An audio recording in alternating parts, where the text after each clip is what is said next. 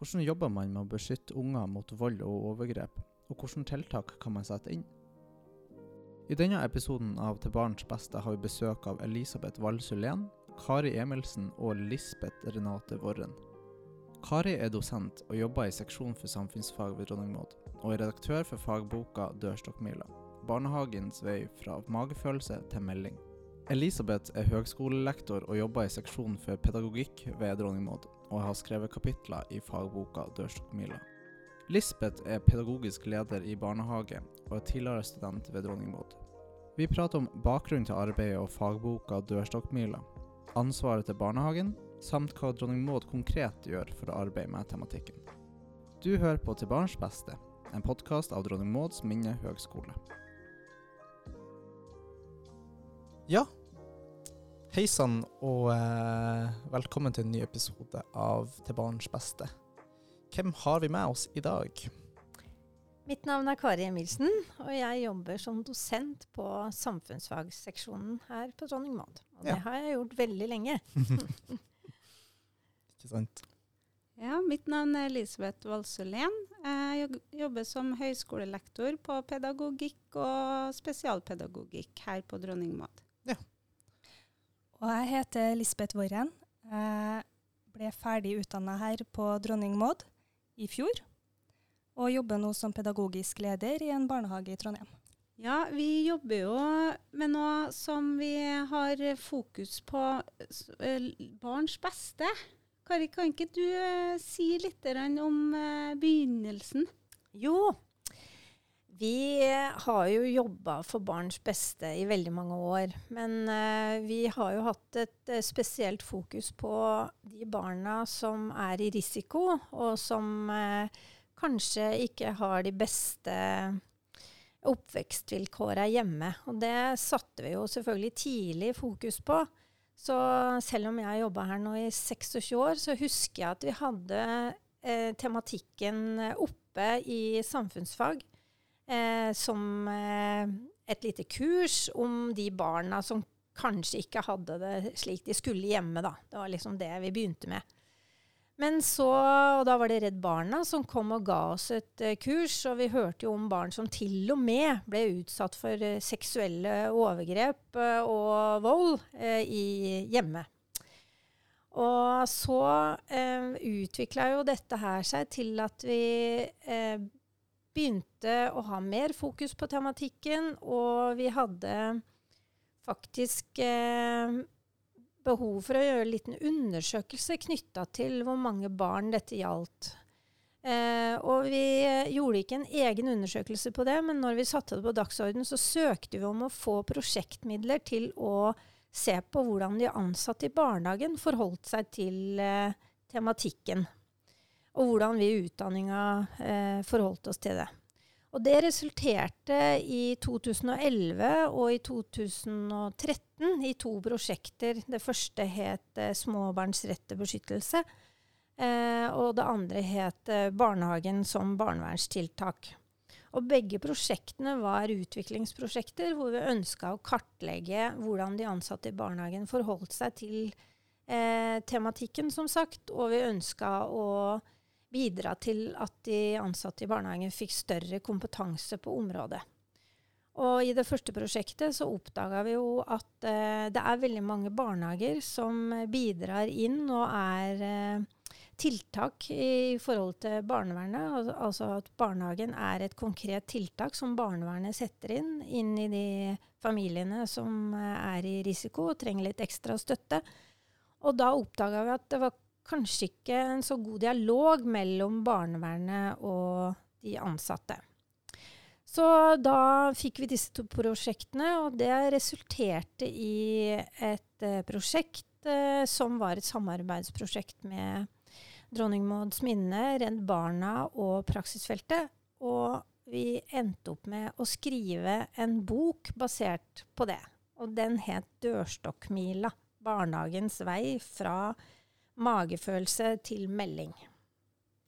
Og så har vi vært så heldige at vi har hatt med oss eh, fine masterstudenter inn i prosjektet, som Elisabeth var med på, Valsølen, som sitter her. Og ikke minst så reviderte vi denne boka for, uh, i 2020, hvor vi fikk inn nytt lovverk. Og ikke minst så fikk vi synliggjort alt som har skjedd på feltet de siste åra. For det har skjedd veldig mye. Under dette prosjektet så var jo Bodil Møland med, og hun hadde jo en sånn vinkling inn i det i forhold til utdanningene. Som også ble et resultat kanskje som vi ser her i dag, da.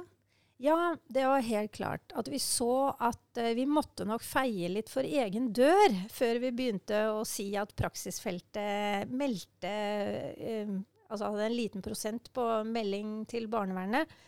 Og da tenkte vi at ja, men hva gjør vi sjøl her i utdanninga? Og da kartla vi litt hva vi gjorde, og ikke minst så fikk vi ressurser til å sette i gang et uh, større prosjekt for å uh, trygge og sikre og gi kompetanse til våre studenter uh, knytta til tematikken. Dette begynner å bli ganske mange år siden, men uh, vi har fortsatt. Ja, vi har jo de her temaukene våre, da, som vi kaller det. det er jo både noe som er internt, og så har vi noe som er eksternt. da. Eh, internt så har vi uh, flere dager hvor studentene får uh, en introforelesning som baserer seg på denne boka 'Dørstokkmila', og fra en magefølelse til en eventuelt bekymringsmelding. Gangen i arbeidet, noen mønster som har kommet fram i forskning. Og så møter de også folk fra barnevernstjenesten, fra PP-tjenesten, fra BUP, helsesykepleier. Eh, og vi har tematikk som eh, går på tilknytning. Og i de her eksterne temaukene våre så samler vi alle Det er alle tredjeklassestudentene det her gjelder. Uh, og da møtes de uh, med sosionom, vernepleie og barnevernspedagogstudenter. Uh, og da er vi sammen og har tematikken seksuelle overgrep. og så på dag to så blir de delt inn på tvers i da såkalte tverrfaglige sammensatte grupper. hvor de er sammen en hel dag og utveksler informasjon og kunnskap om hverandres eh, studie. Og eh, de ser også litt på hvilken uh, kompetanse de har, og samla kompetanse og spisskompetanse. Eh, og så har de en case som de løser. Og du Lisbeth, du har jo vært med på det her. Kan du fortelle litt om hvordan det var, da? Det var en uh, veldig intens og verdifull dag. Um, det var Det å få satt seg inn i et rom med studenter fra andre utdanninger, andre linjer, um, og få noen ansikt på de her profesjonene, um, og høre, høre dem fortelle hva de står for, eh, hvilke verdier som ligger til grunn for deres arbeid, og hvilke metoder de bruker da, eh, mot sine verdier og mål. Um, det ga en veldig interessant um, refleksjon da, rundt denne casen som vi hadde. Og jeg tror alle som satt i rommet, ble veldig overraska over hvor, eh, hvor mye og hvor gode de andre var. Eh, det var veldig mange som ble overraska positivt over hvor mye vi vet eh, i barnehagelærerutdanninga. Hvor mye og hvor bredt det, er, det dekker, da. For det er jo veldig mange områder som, som berører barn og barndom. Eh, og det er vi som møter dem hver dag. Så det var veldig, det var veldig spennende. Det ga en sånn kroppsliggjort eh, erfaring som var veldig god å ha med seg ut i arbeidslivet etterpå.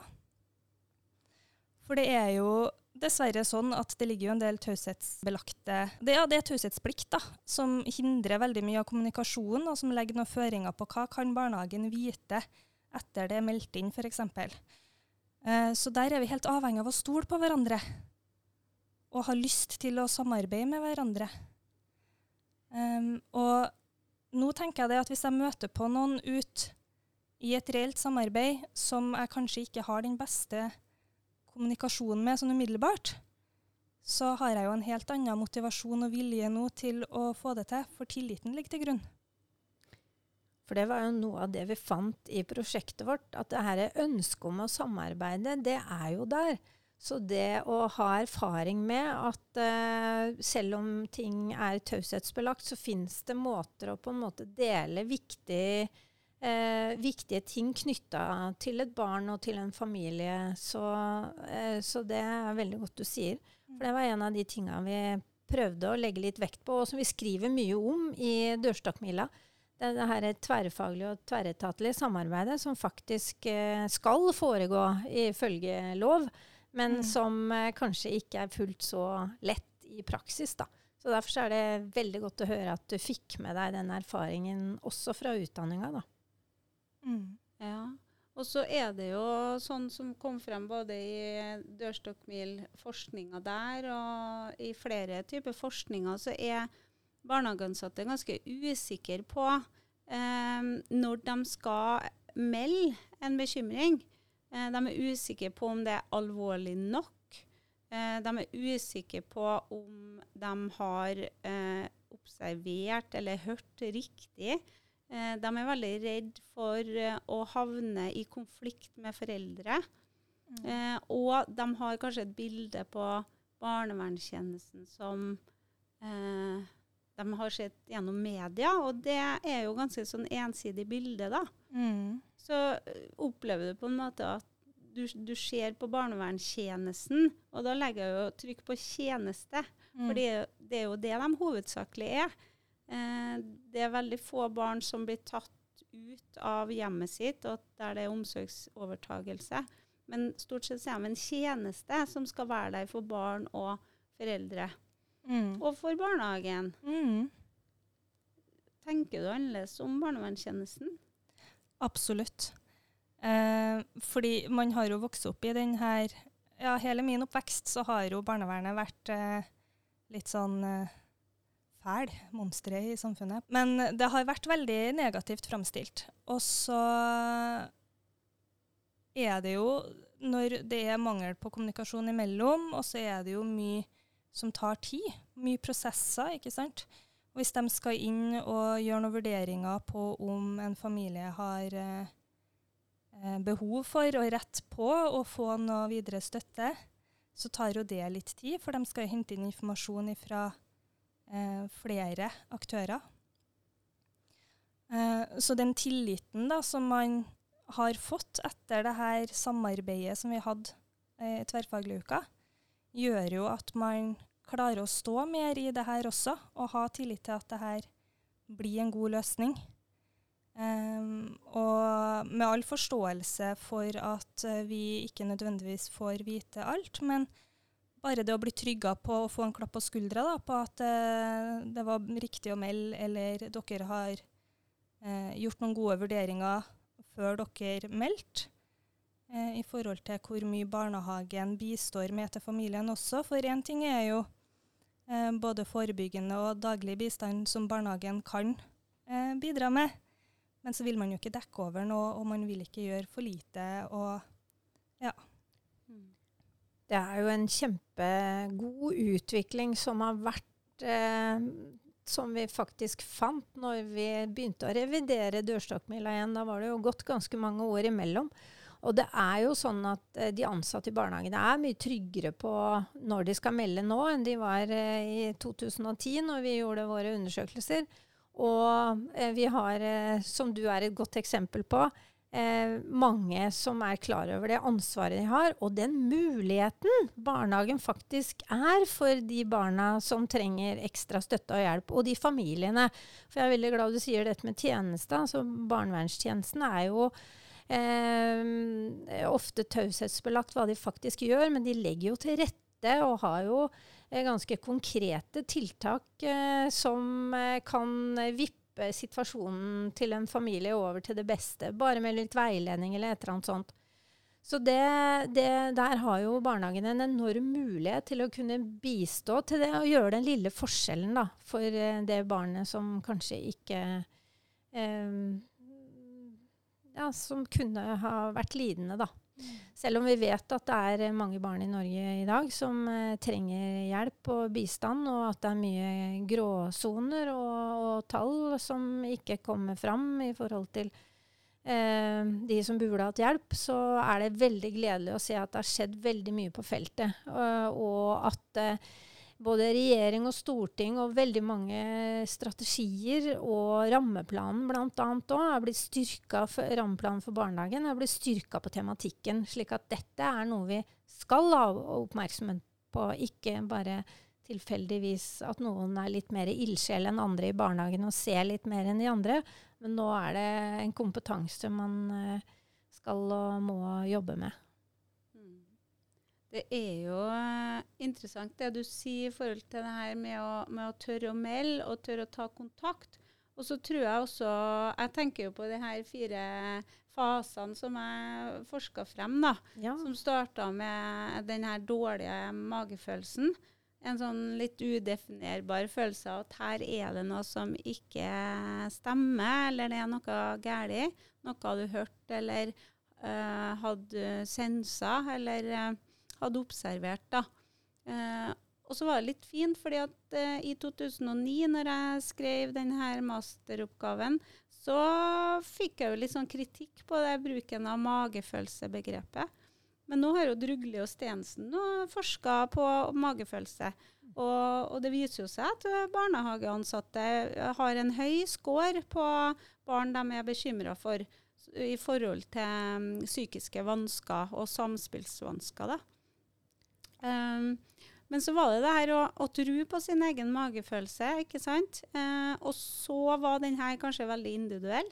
Du gikk alene og tenkte og grubla. Um, og når du ikke helt får satt ord på det, så er det jo vanskelig å dele det med sine kollegaer.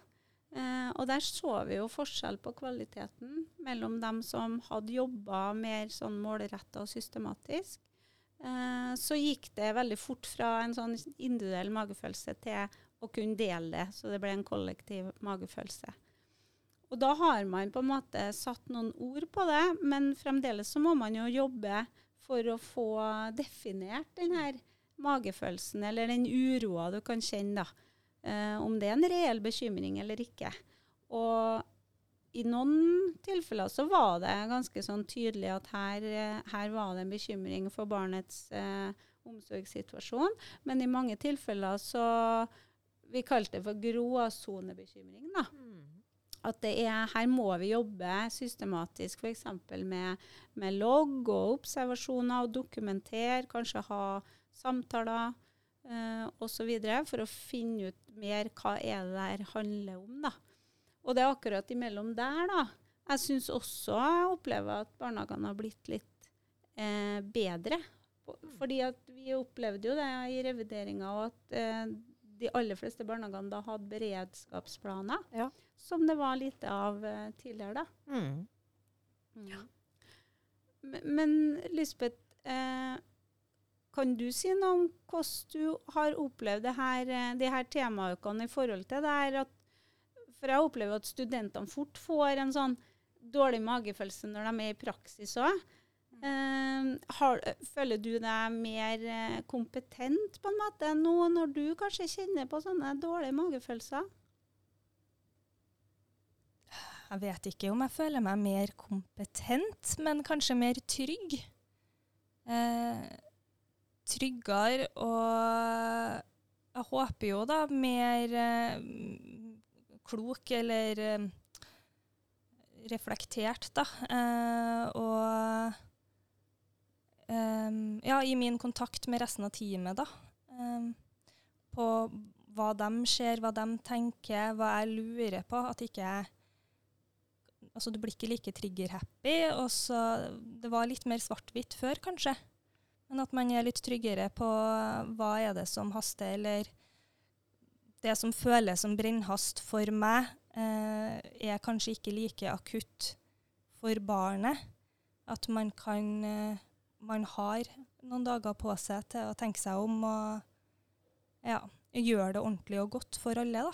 Mm. Mm. Da, og da snakker du om på en måte systemet i barnehagen. ikke sant? Mm. At det, det, er ikke opp til hver enkelt. Det er ikke individuelt, men det, det er et system der, og du har andre kollegaer du kan gå til og få satt det her kanskje i perspektiv og få reflektert rundt det. da.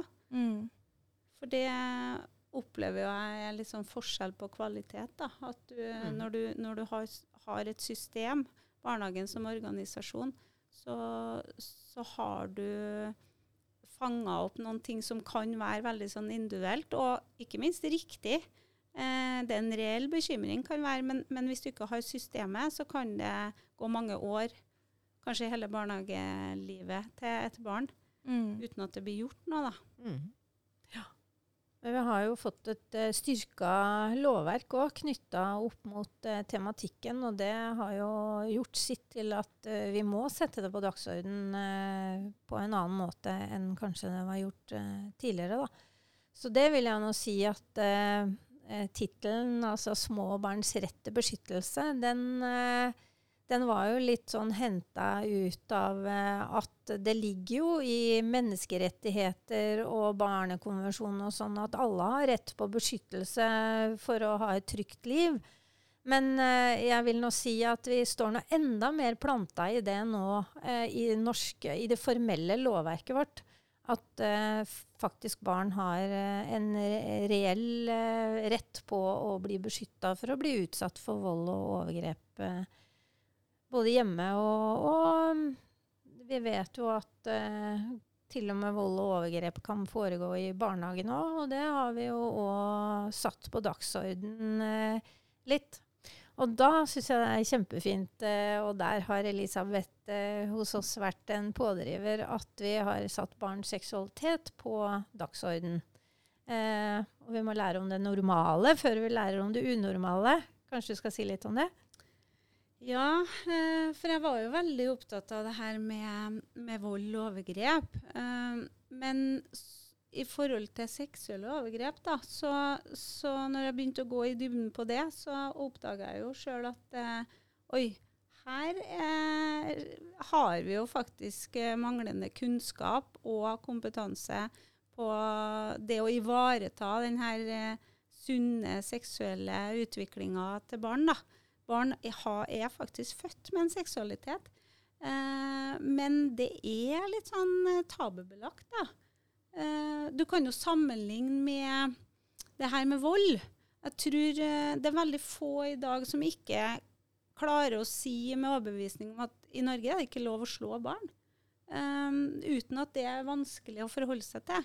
Men seksuelle overgrep, det er ikke kommet så langt. Vårt forhold til det. Og da også seksualiteten. Det, det er Jeg har snakka med mye ansatte i barnehagen, eh, og jeg jobba litt eh, på høyskolen her òg for å få inn denne tematikken. Eh, vi har jo mye ulike temaer som skal inn. Mm. Og hvorfor måtte vi ha inn det, da? Er det relevant? De er jo så små.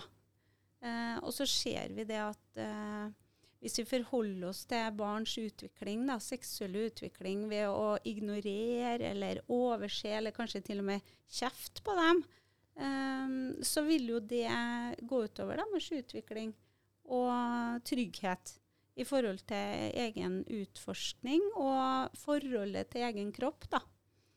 Så det har jeg blitt eh, veldig opptatt av. Og jeg syns det er veldig artig ut å ha kurs i barnehagefeltet, og særlig foreldremøter. For der møter jeg jo mye motstand før vi starter.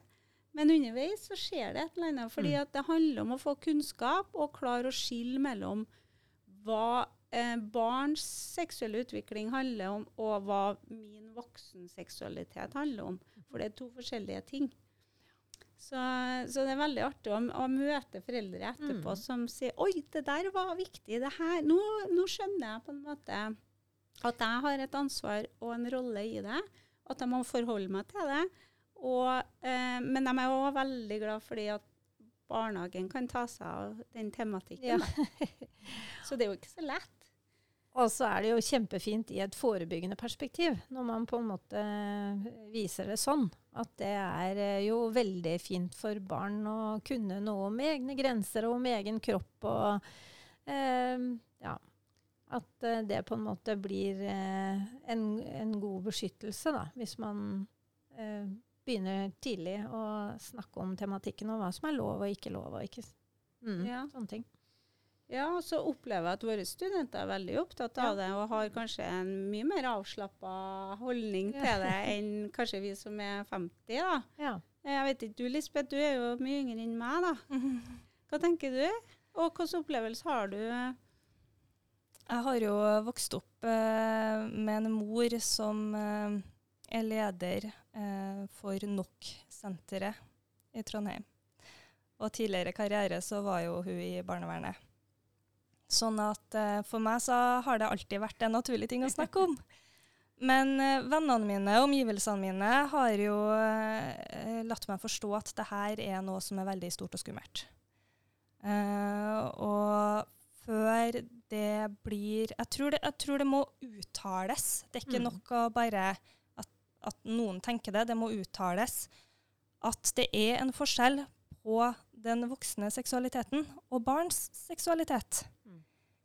Fordi hvis ikke det er uttalt, så har de aller fleste en eh, Altså det går helt av seg sjøl at du da legger Du ilegger ungen da de voksne tankene, da, eller eh, motivasjonen for, eller det, Du legger voksne holdninger til det.